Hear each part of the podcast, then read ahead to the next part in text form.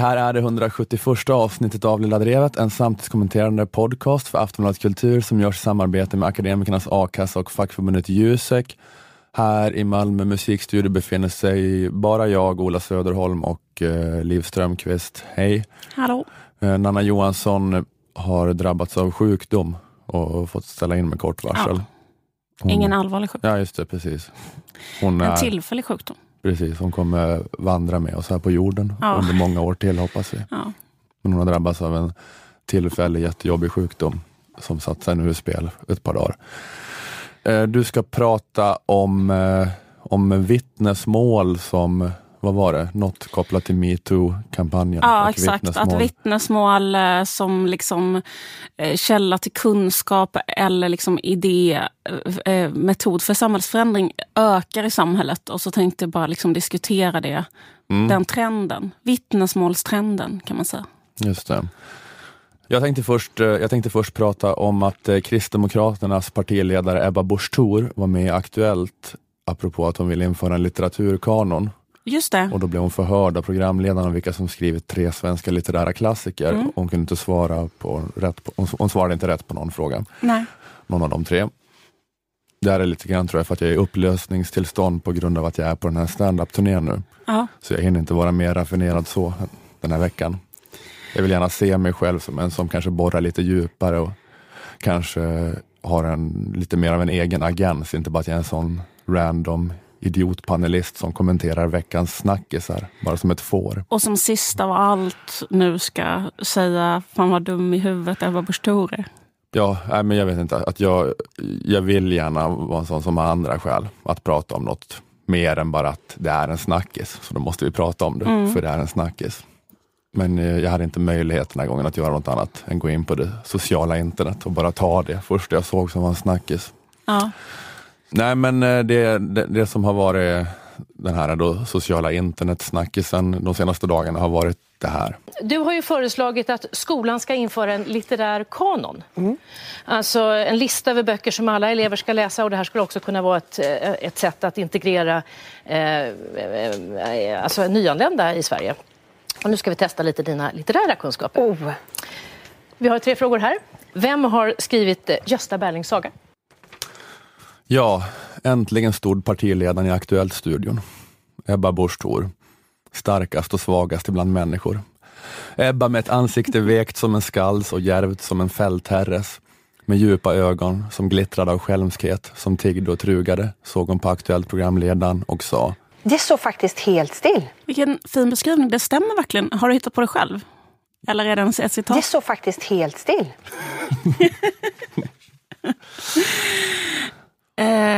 är det en litterär referens som jag borde känna till? Den här dikten du läste om Ebba Busch Thors ansikte?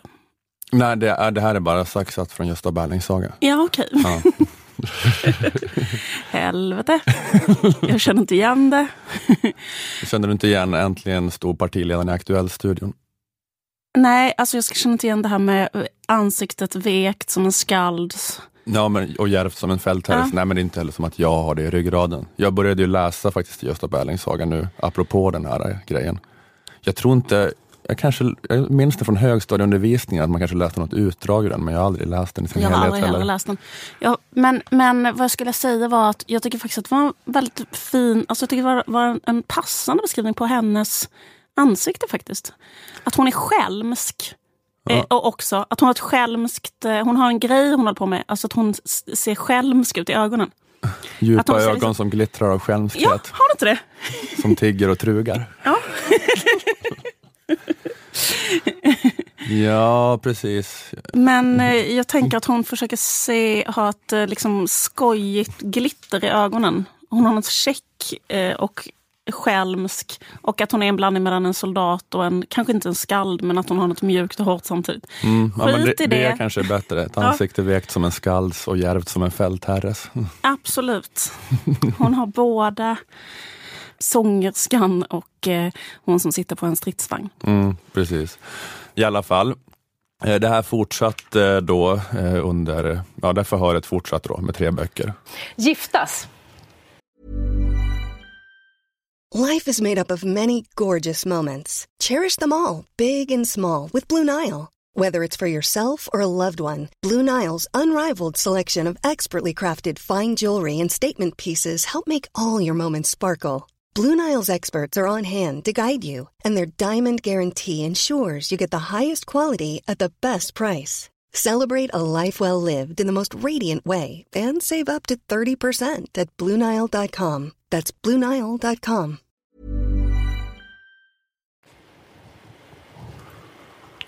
Nej, vi... ehm, ja, du. Vi är inte på Hjalmar Söderberg. Men vi säger det för sakens skull. Dr. Glas är jag väldigt förtjust i. Ja, fast det var inte det. Ja. Men det håller jag med dig om. August Strindberg. Ja, såklart. Och den tredje, Gentleman. Ingen av de här tre har jag läst. Jag tror att jag får lov att lägga på de här på min egen, får göra det. egen lista. Det är, en, det är en ledamot av Svenska Akademin som har skrivit den. Nej. Claes Östergren. Sen är den här plågan slut. Men jag tyckte det var intressant vad som hände sen i, i intervjun i Aktuellt. Vi lämnar de där tråkiga ja, frågorna. Eh, vi har en roligare fråga. Eh, din man har ju spelat allsvensk fotboll. Yes. Eh, till helt nyligen så, så var han, Han spelade i Sirius.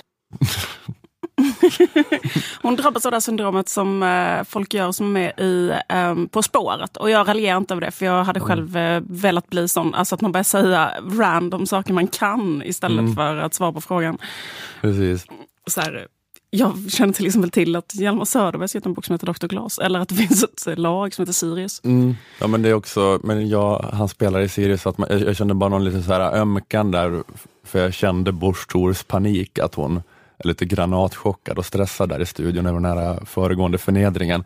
Så att hon tror nu att frågan är, i vilket lag spelar din man? att det här fortsätter. Han spelar i Sirius, att, att hon tror det, att nu, fortsätter, att nu fortsätter Aktuellt bara att ställa mer och mer förnedrande frågor tills jag kan någonting. Okej, du vet inte vem som har skrivit Gösta Berlings saga, men nu undrar vi, vem är din man? I alla fall, eh, det här, då, det, det här har då utlöst en debatt om huruvida det behövs en kulturkanon, om eh, Eller behöver man kunna, är inte debatten så här, behöver man kunna ytlig trivia eller inte? behöver man kunna komma ihåg sådana här slags Trivial Pursuit-frågor eller behöver man inte kunna Trivial Pursuit-frågor? Precis. Ehm, ja, jag, har inte så mycket att tillägga egentligen till det här, men eh, hela historien eh, återknyter lite, tycker jag, till för ett par avsnitt sedan, då vi, då vi jämförde franske presidenten Macrons och svenske statsministern Löfvens respektive uttalanden om, om litteratur. Eller du gjorde det mest. Att Macron talade väldigt initierat om de stora samtida franska författarna i en intervju i Der Spiegel. Och du spelade upp ett klipp där Niklas Svensson intervjuar Stefan Löfven eh, och Löfven säger "Bäh, Astrid Lindgren borde få Nobelpriset. Och hon borde få det Man borde ändra nu. Nobelprisets regler så att, för att Astrid Lindgren ska kunna få det postumt. Mm, Alltså, ja. Exakt. Till och med borde man göra det. Och då sa du att det är det absolut dummaste man kan säga om litteratur. Mm. Då blev vi attackerade för att vi ägnade oss åt klassförakt Mm. av Arbetet-krönikören Jonna Sima och hennes eh, hatsvans. Mm. Eh, nej men Sima skrev att den annars alltid lika kloka och politiskt analytiska serietecknaren Liv Strömquist nu då ägnade sig åt klassförakt för att hon sa att det var dumt att säga att Astrid Lindgren borde få Nobelpriset. Hon hade faktiskt en hatsonsdag som var rätt så kul. För jag, har en jag har en wall eh, som jag trodde var stängd. Men det visade sig att jättearga socialdemokratiska gubbar kunde skriva i så här, kommentarfält att, att jag var en jävla sopa och sånt. Jag var inte så många, kanske en. Ta ansvar för din svans utav sura LO-gubbar. Nu försöker vi snygga upp i debatten. Jonna Sima. Jonas Simons vidriga svans. Men, ehm, nej, men man kan tycka mycket om statsminister Stefan Löfven, men när hans arbetarbakgrund som svetsare nämns eller antyds på ett negativt sätt ser jag rött, skriver Sima. Vi sa ju ingenting om hans arbetarbakgrund. Nej, absolut inte. Det var orättvis kritik, tycker jag. Vi sa bara att det var dumt. Ja. Det är mer då våra kritiker här som gör kopplingen dum lika med arbetarklass. Att varje gång man driver med något man tycker är dumt så måste det vara klassförakt. De sa dum och vi vet alla att det är kod för arbetarklass. Att eh, dumhet är något slags identitetspolitiskt projekt för arbetarklassen Precis. enligt LO-tidningen Arbetet. Eller att det skulle vara typiskt för arbetarklassen att vilja att Astrid Lindgren får Nobelpriset. Det tycker jag också är ett uttryck för klassförakt. Så varje gång man pratar om dumhet, som om det var något negativt, begår man något slags eh, kolonialt förtryck mot arbetarklassen. Mm. Eller i alla fall var det då implicit så att, eh, ja men som du sa, att i alla fall var det då så implicit så att arbetarklass är sådana som håller med om påståendet. Astrid Lindgren ska få Nobelpriset. De har den essentialistiska egenskapen, eller hur man säger. Ja. Men jag tror att kanske många, jag tror det, att kanske många med arbetarbakgrund kanske skulle kunna hålla med oss om att Astrid Lindgren borde få Nobelpriset eh, är en dum grej att säga om litteratur ja, absolut. Men LO-tidningen Arbetet har med den synen att det är alla arbetares plikt att tycka att Astrid Lindgren borde få Nobelpriset. Och om en arbetare kanske skulle hålla med en från den akademiska medelklassen som säger att Astrid Lindgren borde inte alls ha fått Nobelpriset, så är den arbetaren någon slags husblatte enligt LO-tidningen Arbetet. Men i alla fall, jag tror vi pratade om det då, att Stefan Löfven har ju egentligen ett ganska stort eh, kulturintresse. Mm, det pratade vi om, vill jag understryka. Så vi pratade halva tiden om att han hade ett stort litteraturintresse. Och anledningen till att han då sa det här, enligt oss, det dummaste man kan säga om litteratur, menar vi handlar ju om att han verkar i det här lilla skitlandet Sverige med världens mest antiintellektuella befolkning som hade släppt ut honom på Sergels torg och slagit på honom med påkar om man sagt något annat än bö, Astrid Lindgren. Eh, men Löfven har ett stort eh, kulturintresse. Man kan ändå bara säga det nu då, nu när det här med Busch Thor hände, att det var hon som var i skottgluggen, att eh, om någon tror att vi ägnar oss åt arbetarklasshat, så är, det- så är det ju så att det är inte den svenska arbetarrörelsen som är det stora problemet här. Alltså det finns ju ändå någon tradition där med arbetarrörelsens bildningsideal och så vidare. Utan det stora problemet är ju svensk borgerlighet. Jo, Alltså för Reinfeldt var ju... överhuvudtaget. Mest när det gäller deras politik. Ja, Men vi kan också prata om det här med deras böcker. Precis. Bokläsning. Mest att det kan bli pinsamt om de får frågor om litteratur i Der Spiegel. Men också deras politik enligt vissa av oss. Nej, men, för Rein, men med Reinfeldt var ju det där ingen ägt alls. Alltså med Läckberg och Dabas och Magnus Uggla. Det var ju rakt från hjärtat. Ja. Eller därifrån hjärtat skulle ha suttit. Jag menar inte att han saknar hjärta som är ond, utan som att han är tom. Ja. Bara tom, menar jag. Nej, men det finns, ju, det finns ju ingen sån eh, finkulturborgerlighet i Sverige, som Nej. det kanske finns i Tyskland eller Frankrike. Eller den finkulturborgerligheten är kanske tre personer i Sverige. Mm. Det är så Per Svensson och Katarina Barling och kanske Johan Hakelius, jag vet inte om han är rätt. Men annars är ju svensk borgerlighet eh, TV4 Sverige. ja, absolut. Jag säger, jag säger inte att svenska sossar kan eh, diskutera Hegel med Macron, men eh, det är ändå, jag tror ändå att det är någon, jag tror ändå man, att, jag tänker ändå att svenska att sossarna tittar på På spåret på fredag kväll. Moderaterna tittar ju på vad som är på TV4. De tittar på Let's Dance eller Idol. Det, det är ju bara så. Ja. Alltså när det gäller liksom, alltså hela den här muff, muffar, muffkulturen. Sådana bara så här gapiga ungborgare som går runt i sina studentkostymer och tror att de är madmen. Då är det ju bara den, liksom, den handelshögskole-douche-stilen. Det är ju bara den slags borgerligheten som finns. Niklas Svenssons 40-årsfest, borgerlighetsstilen. Att de så här står och hoppar till eh, dålig house och Gangnam style och dricker vodka Red Bull. Men det kan jag säga om Muff, att jag är nästan här. Jag vill bara att ni ska höra mitt klasshat här. Mm. Tidningen Arbetet.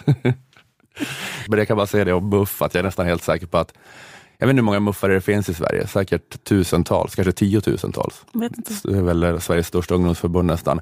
Men jag är rätt säker på att det finns inte en enda medlem i MUF som har läst en roman. Tror du inte? Nej. Ja, och jag menar inte att det rör sig om att det är en sån liten procent som har läst en roman, utan jag tror att det är i absoluta tal noll personer. som Tror inte ens att de har läst Och världen själv är det av Ayn Rand. Okej, ja.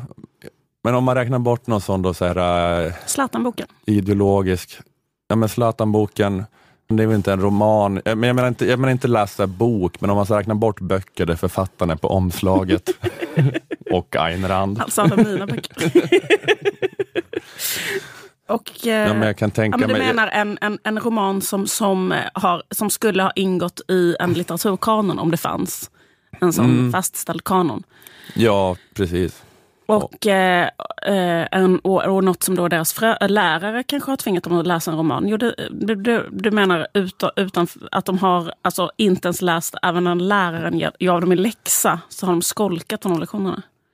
Ja men, ja, ja, men det, det, är väl möjligt att de kanske har gjort, eh, de har tvingats läsa lite grann på högstadiet, inte fan vet jag. Men det är väl inte det som är poängen. Men jag menar bara att det är, ja men dels sån då klassiska romaner men också bara, inte fan vet jag, det är inte en enda där som har börjat läsa Elena Ferrante. Liksom. Inte en enda medlem i MUF. Nej. Det, det är jag nästan 100% säker på. Alltså det är bara sådana här, de kanske går och ser när det är filmatisering av någon ny Marvel superhjälte. Du, mm. ja, nu har vi hört på det här fruktansvärt generaliserande hatet. Ska det komma någon annan poäng? Nej, det, det, är ingen, det, är, det, är ingen, det är ingen mer poäng. Det är väl bara att jag vill att ni visar här att de att om, ni, om folk tror att, man, att så här, jag eller vi utifrån någon slags eh, kultursnobism föraktar svensk arbetarrörelse så är det helt fel. Ja. Det är ingenting då emot i alla fall hur mycket man föraktar svensk borgerlighet. Och att bara det här med Ebba Busch Thor då blev ett bra tillfälle att lyfta upp det och tydliggöra det. Absolut. Men jag får säga en annan sak som jag tycker blev tydligt i det här uh, när, när jag blev hatattackerad på grund av det här. Nej, men en sak som... att, att just att, jag tycker det är ganska intressant, så här, Astrid Lindgrens eh, status i Sverige, att hon är... Um, alltså det har ju många pratat om. För att alltså jag har har, eh, att folk reagerar så himla starkt om man säger så här, Jag sa då i Lilla Drevet så här, eh, det är det dummaste man kan säga om litteratur att säga att Astrid Lindgren skulle få Nobelpriset. Och jag har aldrig fått, eller jag menar få saker, jag har ändå sagt så himla grova saker tycker jag.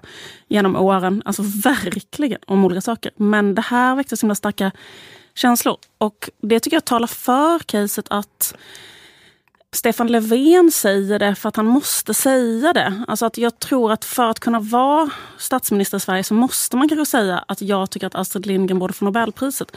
Alltså Jimmy Åkesson säger alltid det så fort han blir intervjuad också. Och liksom, jag tänker att det är motsvarigheten till i USA att man måste vara kristen. Du vet att Trump, alltså jag menar innan Stefan Löfven höll på med politik så kanske han, han har ju sagt i många intervjuer, vilket vi också tog upp, att han läser Vilhelm Moberg till exempel. Mm. Om han skulle börja prata om att han gillar Vilhelm Moberg, då måste han sluta med det. Och precis som Trump eh, var tvungen att hitta på att han hade läst Bibeln, så kanske Stefan Löfven måste i Sverige för att kunna ha den posten säga att han vill att Astrid Lindgren ska ha Nobelpriset. Vad tror du om den teorin? Ja, men det, det, det stämmer säkert att det är bara så onödigt att, eh, att inte säga det. Liksom. Eller det så här, även om det går emot din egen övertygelse så är det bara gör den kohandlingen med dig själv. För att du bara du tjänar så mycket liksom på att bara säga det. det bara som... gör den eh, läpparnas bekännelsen. Precis, och att det borde ställas motfrågor tycker jag. Som när de ställde den här motfrågan till Trump. Så här, What's your favorite part of the Bible? Mm. Och då sa han så här, uh, I really like, vad sa han? I really like the beginning. All of it. All of it. ja, mm. Och att man borde ha frågat Stefan Löfven, vad är det man, vilken bok? Och då kanske han bara skulle sagt jag gillar eh, det hon skrev eh, i början. Fast det, där, det, i och för sig, det kanske inte riktigt funkar den analogin, för att där är ju hela, alltså hela Sverige när det gäller Astrid Lindgren är ju som någon sån salafistklassare med koraner. Liksom. Det är inte som att alla kan ju svara i detalj ja. på det. det skulle inte vara något svårt att säga någonting det spelar liksom ingen roll hur mycket du gillar det. Alla har liksom varenda ord i hennes författarskap injicerat i blodet. Just det. Och vi har aldrig ens, ens en gång sagt att det var dåligt. Utan tvärtom att det är bra barnlitteratur. Fast jag bara tyckte att det var grovt att säga att man skulle upphäva Nobelprisets regler och gräva upp Astrid för att kunna ge henne priset i efterhand. Mm, Skit i det! ja, nej, men jag menar bara precis. Ja, men att det är klasshatet man känner för eh, Årdalens sossar eh, ingenting mot det man känner för Täby-moderater ändå. Gud nej. Nej. Då har man missuppfattat. Då har man inte lyssnat ordentligt. Nej, då har man faktiskt, har man eh, faktiskt inte lyssnat. När... Feltolkat. Ja, det har man. Mm. Med vilje kanske till och med, för att man var så arg. Om man vill piska upp sin hatsvans. Ja.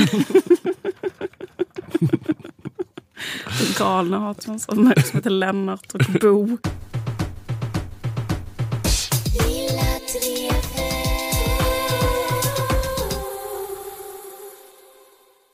Eh, Lilla Drevet sponsras av Akademikernas a-kassa och fackförbundet Jusek. Jusek är fackförbundet för dig som är eller är på väg att bli jurist, ekonom, systemvetare, personalvetare, kommunikatör eller samhällsvetare. Jusek har nu dragit igång den andra fasen i deras kampanj Vi vet. Vi vet går ju då ut på att Jusek, till skillnad från vissa av de stora fackförbunden som har en miljard yrkesgrupper som trängs under paraplyet, eh, till skillnad från dem så har Jusek bara sex de sex nämnda yrkesgrupperna och har stenkoll då just på deras arbetsmarknad och på hur man ska vara ett stöd när det gäller trygghet, lön och karriär.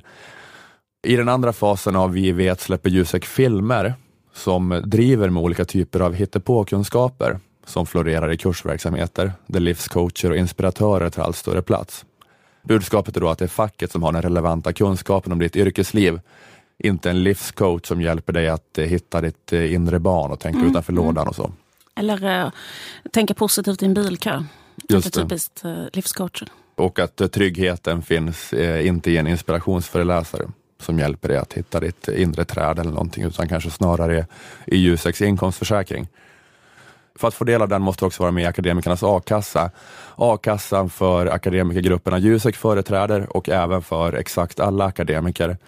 Att vara med kostar endast 100 kronor i månaden och ger dig upp till 20 000 i månaden när du befinner dig mellan jobb. Läs mer på akademikernas.se om hur du gör för att gå med. Är du inte akademiker kan du på Akademikernas a-kasseväljare välja akassa.se och ta reda på vilken a-kassa som passar dig. Går du dessutom med i Jusek får du som sagt del av Juseks inkomstförsäkring som ger dig 80 av lönen upp till 80 000 kronor vid arbetslöshet. Att vara med i Akademikernas och Jusek kostar 351 kronor sammanlagt. Är du alltså redan Akademikernas medlem lägger du bara till 251 kronor för att också få vara med i facket. Går du in på Juseks kampanjsida, jusek.se vi vet, finns också ett fantastiskt erbjudande för er som väljer att bli medlemmar nu. Vi säger inte vad det är, utan ni måste gå in och kolla. Eh, går ni in på Juseks hemsida kan ni också se de här filmerna som hånar livscoacher och sånt. Kul. Så, så det, det, är ytterligare eh, en anledning att surfa, surfa runt där i några timmar. Tack Akademikernas och Jusek. Tack.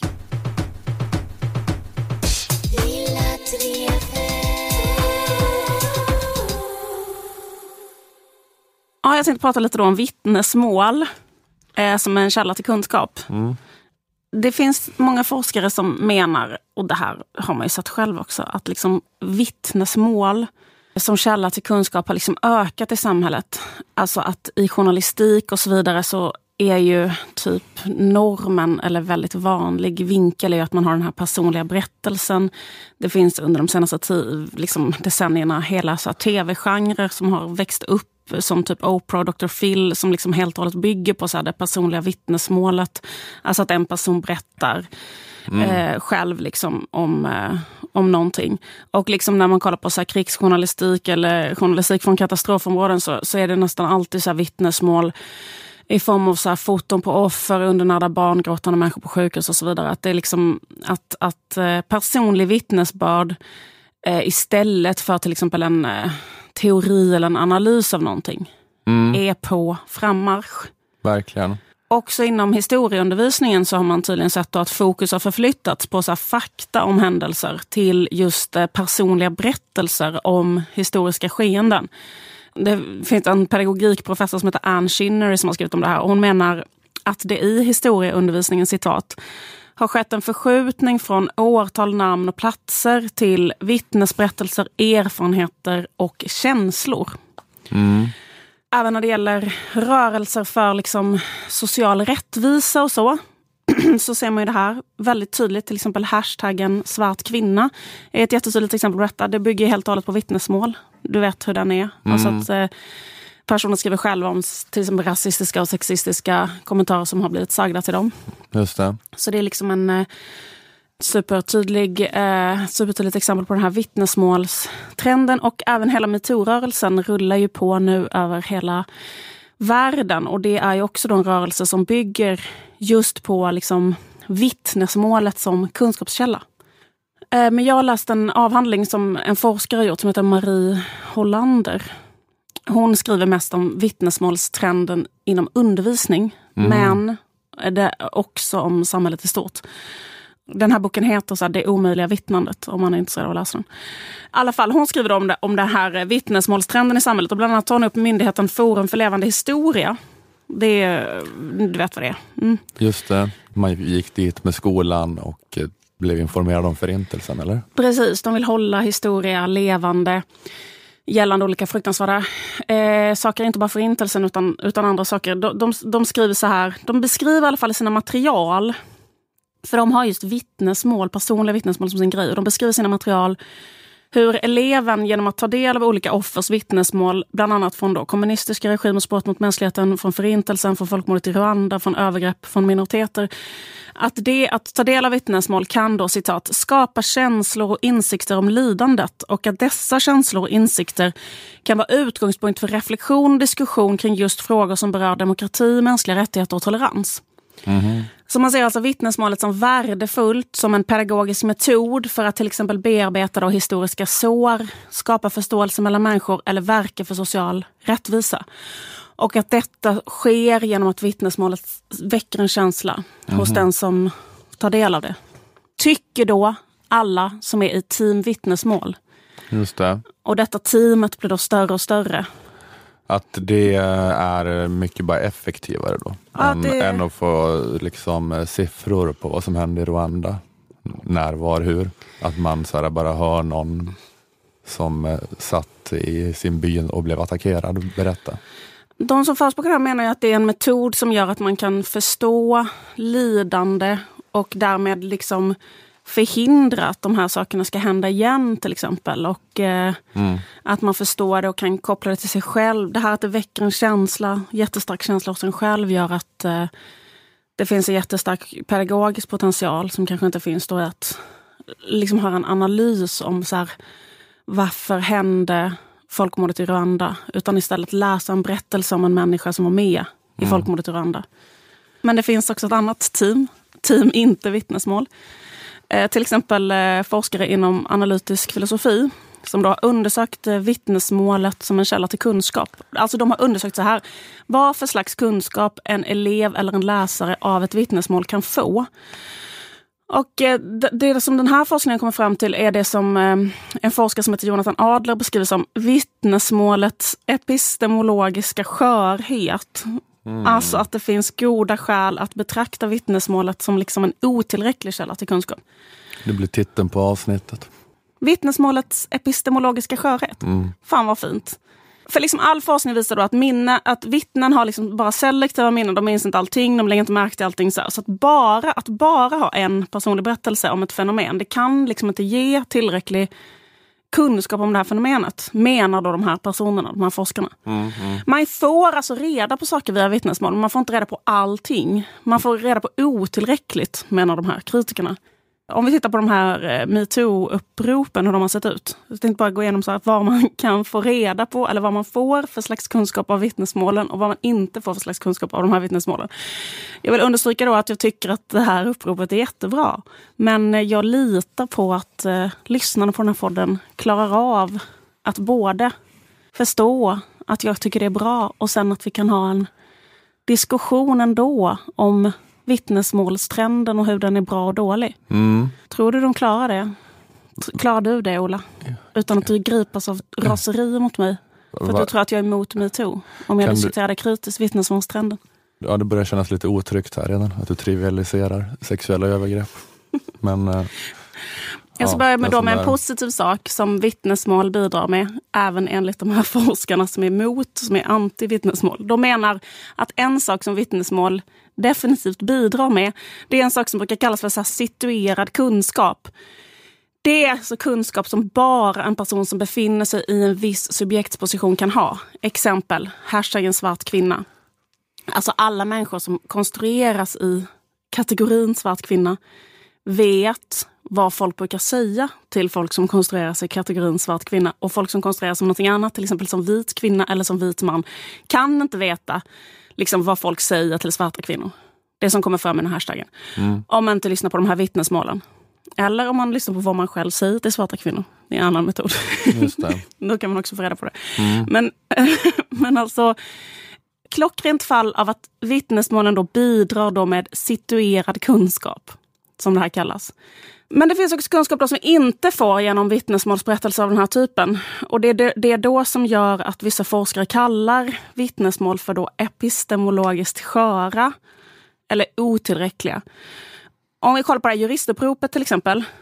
Du kanske till och med har missuppfattat det, men det är väl så att det är underskrivet av 4 000 jurister ungefär. Och då är det liksom utdragna vittnesmål, alltså korta berättelser mm. som enskilda personer har gjort. Men man kan egentligen inte veta, alltså en information man inte får av de här uppropen, det är så här, har alla de här 4000 varit utsatta för ett övergrepp till exempel? Eller har de bara skrivit under för att de vill lyfta frågan? Så har de väl presenterat dem i alla fall, att eh, det här betyder inte att alla vittnar om övergrepp, utan det vittnar, betyder att alla stöttar uppropet. Precis, så man kan inte veta till exempel så här, hur vanligt är det med sexuella trakasserier inom juristkåren? För att det är många som... Mm, mm. Så en information man inte får det är så här, hur många uppger att de varit med om sexuella trakasserier? Hur många anmälningar finns det? Hur, hur många anmälningar blir liksom fällande domar? Eh, hur vanligt är det i relation till andra yrken? Är det vanligare bland de här yrkena än andra yrken? Alltså, all sån information får man inte. Nej. Man får inte heller reda på då hur det är inom de yrkesgrupper eller befolkningskategorier som inte har gjort sådana upprop. Alltså kvinnor som liksom inte har tillgång till att göra ett sånt där upprop till exempel. Jag tänker på så här, papperslösa kvinnor. Eh, kvinnor som lever utanför samhället på annat sätt. Hemlösa kvinnor, missbrukande kvinnor, eller hur? Kvinnor som mm. sitter på anstalter, fängelse och så vidare. Eller bara kvinnor som har lite mindre eh, privilegierade yrken och positioner som kanske inte väcker lika stort medieintresse som liksom en känd kvinnas berättelse. Eller hur? Mm. Typ en städerska eller sånt. Men det behöver inte tala emot att det kan vara värdefullt att ha ett vittnesmål från kvinnor som kan tala. Det är naturligtvis ändå bra, men Team Inte vittnesmål menar att varje gång man läser ett vittnesmål så måste man också tänka på eh, vilka vittnesmål som inte kommer fram. Alltså ifall man vill ha en, eh, vad ska man säga, en, så här, eh, en slags kunskap om till exempel hur vanligt det är med sexuella övergrepp eller hur det ser ut eller så. Mm. Eh, så får man inte all den kunskapen av bara vittnesmål. Nej. Sen så finns det ju då sådana undersökningar, alltså Brå gör väl sådana undersökningar hela tiden. Alltså, sen tror inte jag att det finns all, jag kan tänka mig att Alltså det är skitmycket mörkertal, men det finns ju ändå sån, eh, sån här slags statistik som jag säger. Så här vanligt är det med sexuella övergrepp där och så här många anmälningar, bla bla bla. bla. Men problemet är att de här undersökningarna, när de släpps, typ Brås statistik, då väcker inte det några känslor. Så som det här har gjort. För att kanske är vittnesmål så väcker det så otroligt starka känslor hos mottagaren. Vilket gör att saken tas upp eh, på agendan mm. och man börjar agera. Mm. Och det är ju det som är då människor som har teamvittnesmål som är deras då liksom case. Att det är bra mm. med vittnesmål, med ökade vittnesmål i samhället. Därför att um, det väcker känslor. Också som um, jag menar, precis som levande, Forum för levande historia uttrycker sig i sitt material och som jag också är ju syftet med metoo. Alltså Forum för levande historia skriver citat så här. Vittnesmål skapar känslor och insikter om lidandet och dessa känslor och insikter kan vara utgångspunkt för en reflektion och diskussion kring just frågor som berör demokrati, mänskliga rättigheter och tolerans. Och i fallet metoo då patriarkala strukturer tänker jag ju då. Mm. Alltså att man då via känslor och inte via typ en teori eller en analys väcker medvetande hos människor. Mm. Det är liksom det som är vad man tänker är bra med det här. Just det. Eh, men en sak som Marie eh, Hollander diskuterar i sin bok, eh, det är liksom är det här ett bra sätt alltså att väcka känslor, att få folk att agera mot orättvisor? Eller är det ett outvetydigt bra sätt? Då skriver hon så här. Det jag är intresserad av är inte att kritisera själva viljan att skapa förändringar i relation till olika orättvisor och strukturell diskriminering, utan snarare problematisera krisens och känslornas förmåga att kunna skapa denna förändring. Alltså jag bara tycker det är intressant, för att just vi har pratat om det skitmycket i Lilla Drevet, eller hur? Alltså typ så här att det finns en liksom en sam jättestark eh, samhällstrend som eh, handlar om att information, den informationen som finns i samhället eh, på olika sätt, liksom är i liksom högre och högre utsträckning såna här slags känsloskapande nyheter. Mm. Eh, liksom att det eh, premieras till eh, förmån. Alltså att det, vad heter mm. det? Dels har vi pratat om att tekniken, alltså sociala medier, mm har en inbyggd mekanism som premierar känsloskapande nyheter. Mm. Därför att det är de man vill klicka och dela Och diskutera. och diskutera. Mm. Så att, och sen så har vi också pratat om att det finns ett eh, ekonomiskt intresse eftersom de här, eh, vad heter det, alltså Facebook och eh, Instagram och de här är ägda av, eh, alltså att det är privata företag och att eh, det finns ett eh, Mm. intresse för dem att eh, de vill ju att folk ska vara hela tiden aktiva. Så att ju Mm. mer aktiva folk är, om man är mer aktiv om man är upprörd. Alltså Mm, ju oftare, ju mer upprörd man är, ju oftare går man in hela tiden på de här. Så här och att liksom den här upprördheten och eh, emotionella upprördheten liksom gynnas av tekniken och eh, Mm. den ekonomiska strukturen. Och, och då är det ju väldigt intressant att titta på så här, liksom, är det att vara konstant upprörd över olika saker eller liksom att, att, eh, att eh, ta sig an ska man säga, sociala orättvisor och så via känslor. Då är det ju väldigt intressant att se, så här, är det effektivt? Är det ett effektivt sätt att för, förändra Mm. Mm. eh, samhället? Och ehm, då finns det vissa som bara är så här, eller jag menar jag skulle säga typ 90 procent är liksom bara all for it, eller hur? Typ Mm. att så här, det här är ett exempel på hur jävla bra det är med, med eh, sociala medier, eller hur? Att det är så här, sådana här grejer kan spridas, nu kan alla berätta, då kan liksom det ske förändring jättesnabbt och sådär. Och hela den eh, synen på det, Mm. på så här, känsloskapande nyheter, vittnesmål, starka känslor, delning. Så här, den tycker jag finns väldigt representerade, Som att många säger så här, bara, fan vad det här är positivt, liksom att eh, den här typen av saker kan, kan ske. Men om vi håller två tankar i huvudet samtidigt kan man säga så här att dels tror jag att alla har tagit del av den teorin som säger att det här är positivt, men att man liksom kan um, också då försöka ta del av, eller det jag tänkte ta, eh, säga då var eh, kritik av eh, känsloskapande nyheter som metod för social förändring. För det finns också sån kritik då. Mm. Det, Det finns ju människor som inte tror att det är det bästa sättet att skapa social förändring. Nej, det är väl eh, som det är nu, det här liksom känsloknarkandet. Att folk sitter liksom och knarkar känslor och knarkar upprördhet. Och, eh, och det är då eh, en väldigt stark grund för engagemang och kanske också då för förändring. Fast det är så här förändring liksom på, på vilka grunder eller liksom på vilken information. Kanske Mm. gör man jättedrastiska förändringar. Att det bara är så här granne med något sånt liksom pöbelvälde som kanske slänger väldigt mycket så rationalitet och rättssäkerhet och bla bla bla över bord. Liksom. Det finns ju liksom ett, eller hon, eh, den här eh, författaren till den här boken, eh, Det omöjliga vittnandet, hon tar upp exemplet, du kommer ihåg det här, eh, den här bilden som eh, var så här superviral 2015 under flyktingkrisen på det här lilla barnet, den treåriga pojken Alan Kurdi. Exakt. Mm. Det är ett exempel som hon tar upp på liksom ett vittnesmål som liksom cirkulerade.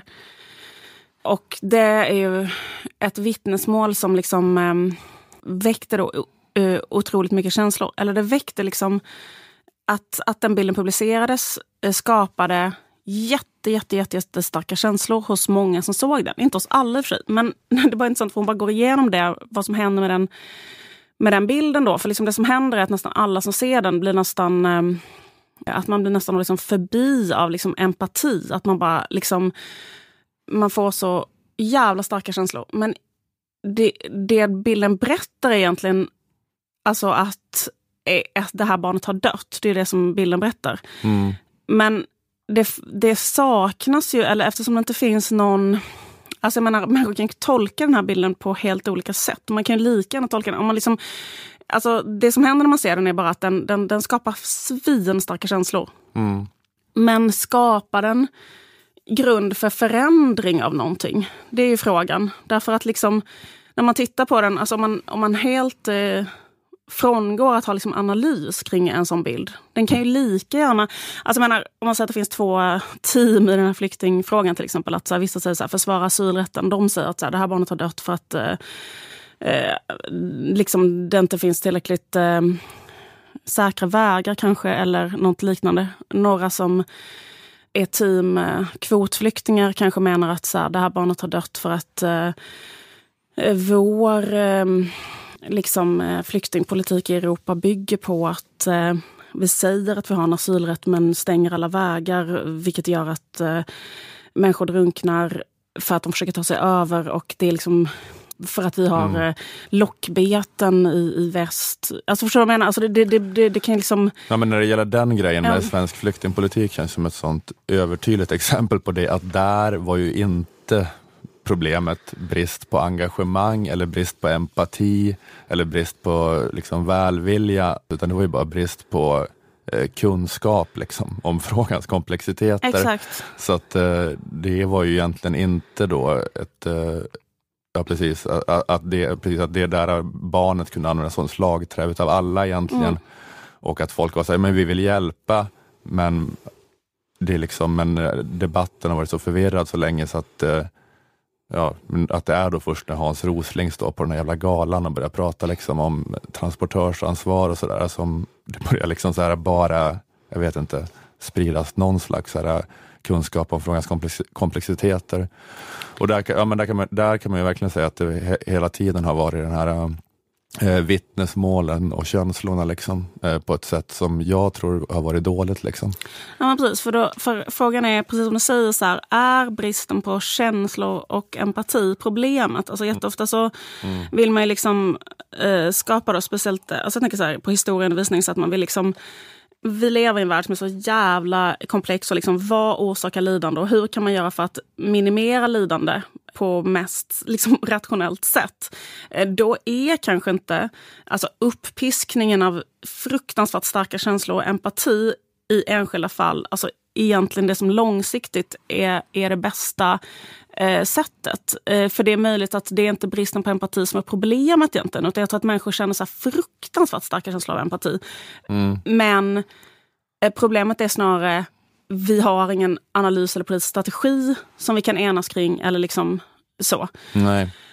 Eller jag menar, när det gäller det här barnet då, för då Marie Hollander pratar om det här i sin avhandling, just det här exemplet med barnet då, att det och det som Forum för levande historia också uttrycker i sitt material, att det de vill är liksom att få folk att känna andra människors lidande.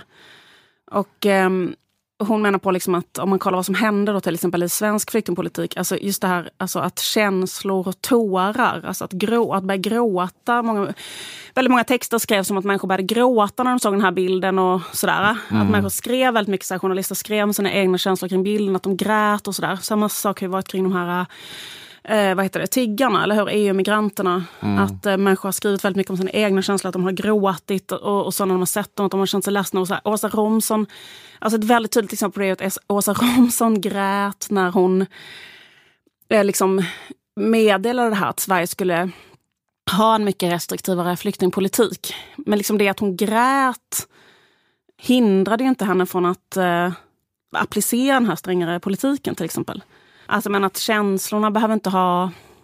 Att det liksom inte nödvändigtvis är kopplat med en, eh, en handling som bidrar till något... Eh, du vet. Nej, du förstår nej, vad jag menar? Nej, precis. Och sen så finns det ju, eller jag menar, alltså jag vet inte, jag lyssnade lite grann på det här, eh, den här, um, det finns ju en, en gubbe, Paul Bloom, som är en eh, Yale psykologiprofessor som har skrivit den här boken som heter Against Empathy. The Case Against Empathy. The Case Against Empathy. Mm. Och han driver ju där caset. Han är ju liksom lite hopplös. Han har ju satt upp en utilitarism, vilket är otroligt töntigt. Men han, jag tycker bara att det är eh, han, han... Det här amerikanska idealist, trollkarl, skeptiker, communityt runt uh, Precis. runt Sam Harris-podden. Det, det, det är rätt intressant ofta, men det är också rätt töntigt. Det är otroligt töntigt. Och uh, lite någon, någon, någon brist i analysen, men ofta rätt intressant. Men jag tycker så att det finns någonting som är intressant i och med att vi då om vi säger det, att, eller liksom, om man utgår från att vi liksom lever i en tid som där liksom tekniken och det ekonomiska systemet underblåser känsloskapande nyheter, så är det ändå intressant att, därför att det bidrar till klick och delningar och så. Och, och då att liksom blir det liksom, liksom aktuellt att på något sätt diskutera så här, på vilket sätt är känslor känsloskapande nyheter, kan, kan man se det som en, alltså kan man kritisera det? Och då, och då tycker jag att han den här Paul Bloom har då det här caset, att empati är, är liksom dåligt. Mm. Alltså han skiljer då på empati och eh, rationell medkänsla. Mm, mm. Eller kärleksfull medkänsla eller vad som helst. Men liksom att empati är då att totalt sätta sig in i en annan persons eh, skor. Mm. Att liksom vara den. Alltså känner du eh, är, du liksom, är du deprimerad så känner jag mig deprimerad. Eller liksom, eh, mm. Typ att, liksom, och att han menar att det inte stämmer att man måste känna sig som en person som drunknar. Till exempel för att hjälpa en person som drunknar. Utan, det, utan att eh, man ska ha det här som han kallar för eh, eh compassion på engelska. Mm. Och att eh, skillnaden mellan empathy och compassion är att empathy är att man liksom eh, totalt så här, överväldigas av sina känslor och går in och tror att man är den. På, eller liksom, så här, helt eh, mm. gränslös. Egentligen tror jag inte att det här är något nytt. Jag tror typ att alla människor som jobbar inom så här, vårdyrken säkert har den här diskussionen. Så här, mm. jag, jag, eller socialarbetare eller någonting. Så här, att för att kunna hjälpa en människa, typ om du är läkare, mm. så kan du inte liksom känna dig som att du själv har cancer om du möter en cancerpatient. Och liksom, eller det är inte det mest effektiva sättet att hjälpa, utan det mest effektiva mm. hjälp, hjälpmedlet är att du har en, en kärleksfull eh, medkänsla, men eh, du eh, kan till exempel själv vara mm. glad. Alltså han jämför, liksom... det, men det är liksom som människor som så här, tappade fullständigt när typ noshörningen Nelson dör och börjar gråta och gråta och mår så Precis. dåligt. Det är inte de som är bäst lämpade att jobba på hospice. Nej, egentligen. exakt. Det är den människotypen liksom, som är så här, såna väldigt blödiga människor som verkligen så kan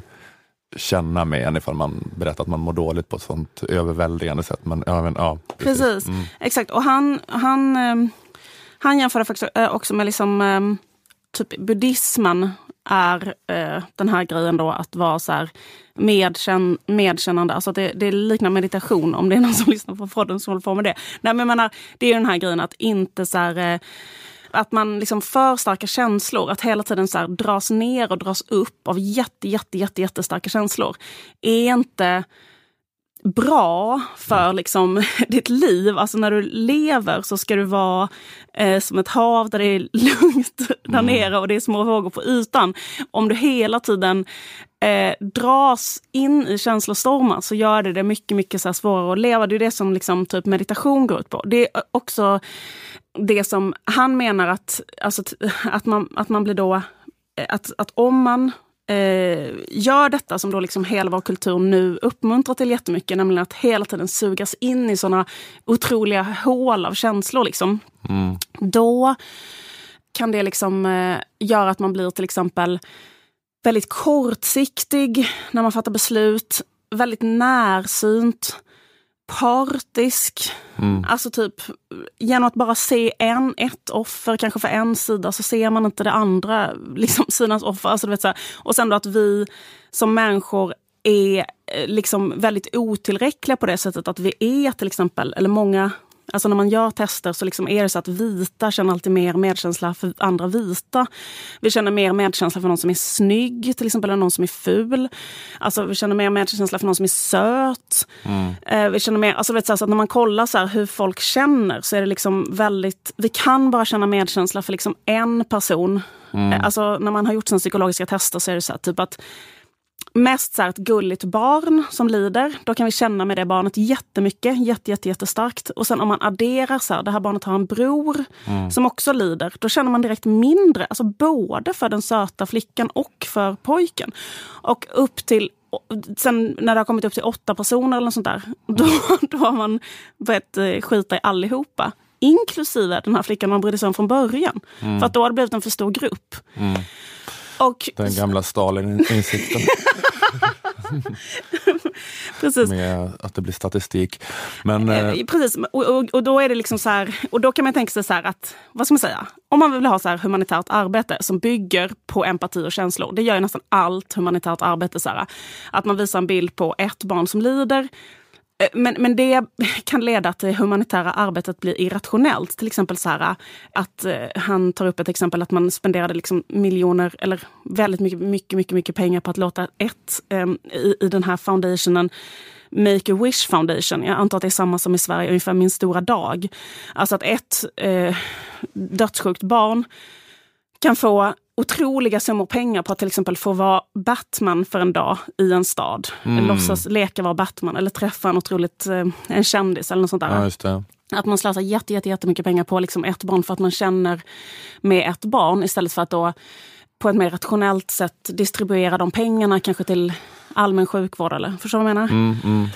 Så det är liksom de här grejerna som han eh, som typisk eh, utilitaristgubbe. Men det har ju något, speciellt när man snackar om det i relation till det här, som är att eh, Mm. Jag menar, det, är, det är också därför vi har typ en konst, liksom, varför man har en eh, konstitution och sånt. För att liksom, alltså, människor skulle ju jätte... Alltså, det här att liksom gripas av en sån jättestark känslostorm gör ju att man känner så här, vi vill, ja, alltså det hände ju till exempel i och med nästan det här terrorbrottet på Drottninggatan, eller hur? Att liksom människor grips av väldigt starka känslor och sen så nästa dag har man stiftat lagar som har avskaffat, eh, eller förstår du vad jag menar, mm. kanske inskränkt väldigt så fundamentala friheter. Alltså när man grips av en väldigt stark känsla så, så är det lätt att bara råka göra om en lag, typ. Mm. Någonting händer som gör att vi liksom eh, börja nedmontera demokratin utan att tänka efter. För liksom helt, så det är därför som liksom väldigt stora grundlagsförändringar måste ta fyra år och sånt för att man liksom typ vet det här om människor. Mm, mm. Att de skulle lätt kunna så här, återinföra slaveriet typ ifall det helt plötsligt, alltså ifall någon liksom lyckades hitta en bild. Alltså, ja. nej, men du vet att det liksom... Riktigt känslostark bild. Om hur gött det vore med slaveri. Hon tog en bild på riktigt söt, ett riktigt gulligt barn som mådde jättebra. Mm. Och, nej, det kanske var ett dåligt exempel, men någonting annat. Mm. Liksom. Så slutsatsen var så här att um, väcka känslor via vittnesmål, ha något uh, och uh, också har um, något som man ska, måste tänka lite över. Ja, Ja, men det är bara någon, det är någon väldigt så här, opolitlig känsla. Eller något, något opolitligt över det där. Alltså jag tänker mer att, att underblåsa de känslorna kulturellt eller liksom mm. i ett system gör att man kan piska upp ett otroligt starkt engagemang som är väldigt kort. Som också kan liksom leda till att människor blir så övermannade av liksom sorg och lidande själva som nästan gör det omöjligt att agera. Alltså typ att så här, att när man liksom som, eh, som samhälle liksom spelar på de där grejerna hela tiden så, det, så är det liksom lätt att eh, man eh, liksom, sa, liksom missar att säkra det här liksom långsiktiga arbetet för social rättvisa till exempel. Jag tycker ett exempel så här, jag menar det var något exempel, var, det fanns en, en någon slags um, social rörelse eller vad man ska kalla det. Jag tror eh, någonstans i Stockholm som gick ut på att människor skulle byta liv med en tiggare. Kommer du ihåg detta? Mm. Ja, men typ så att istället för att du tigger så ska jag sätta mig och tigga. Alltså att de skulle byta för att liksom, de ville så himla gärna liksom sätta sig in i hur tiggaren kände sig. Så det var liksom en, som en akt av empati, det tycker jag är ett tydligt exempel på det här med empati. Liksom sånt, jag, mm. jag, jag uttrycker min, mina känslor för social rättvisa genom att själv liksom bli dig, eller att bli en tiggare själv. Så När då, tänker jag, liksom det rationella, liksom långsiktiga Alltså det, alltså det, det, det, målet då är ju att eh, avskaffa tiggeriet. att människor inte ska behöva tigga. Mm. Och eh, hur gör vi det? Alltså, liksom, men då övermannad av sorg och empati sätter man sig ner och blir en tiggare själv liksom, i en timme. Liksom. Att det är liksom ett mm. exempel på det här att vara så förblindad av så här, att empatin är, eh, är målet. Eh, men empati kan inte vara målet eh, för socialt förändringsarbete. Alltså, Nej. Utan målet måste ju vara social rättvisa till exempel. Mm. Ja, det är väl ett förslag. Om du spånar fritt.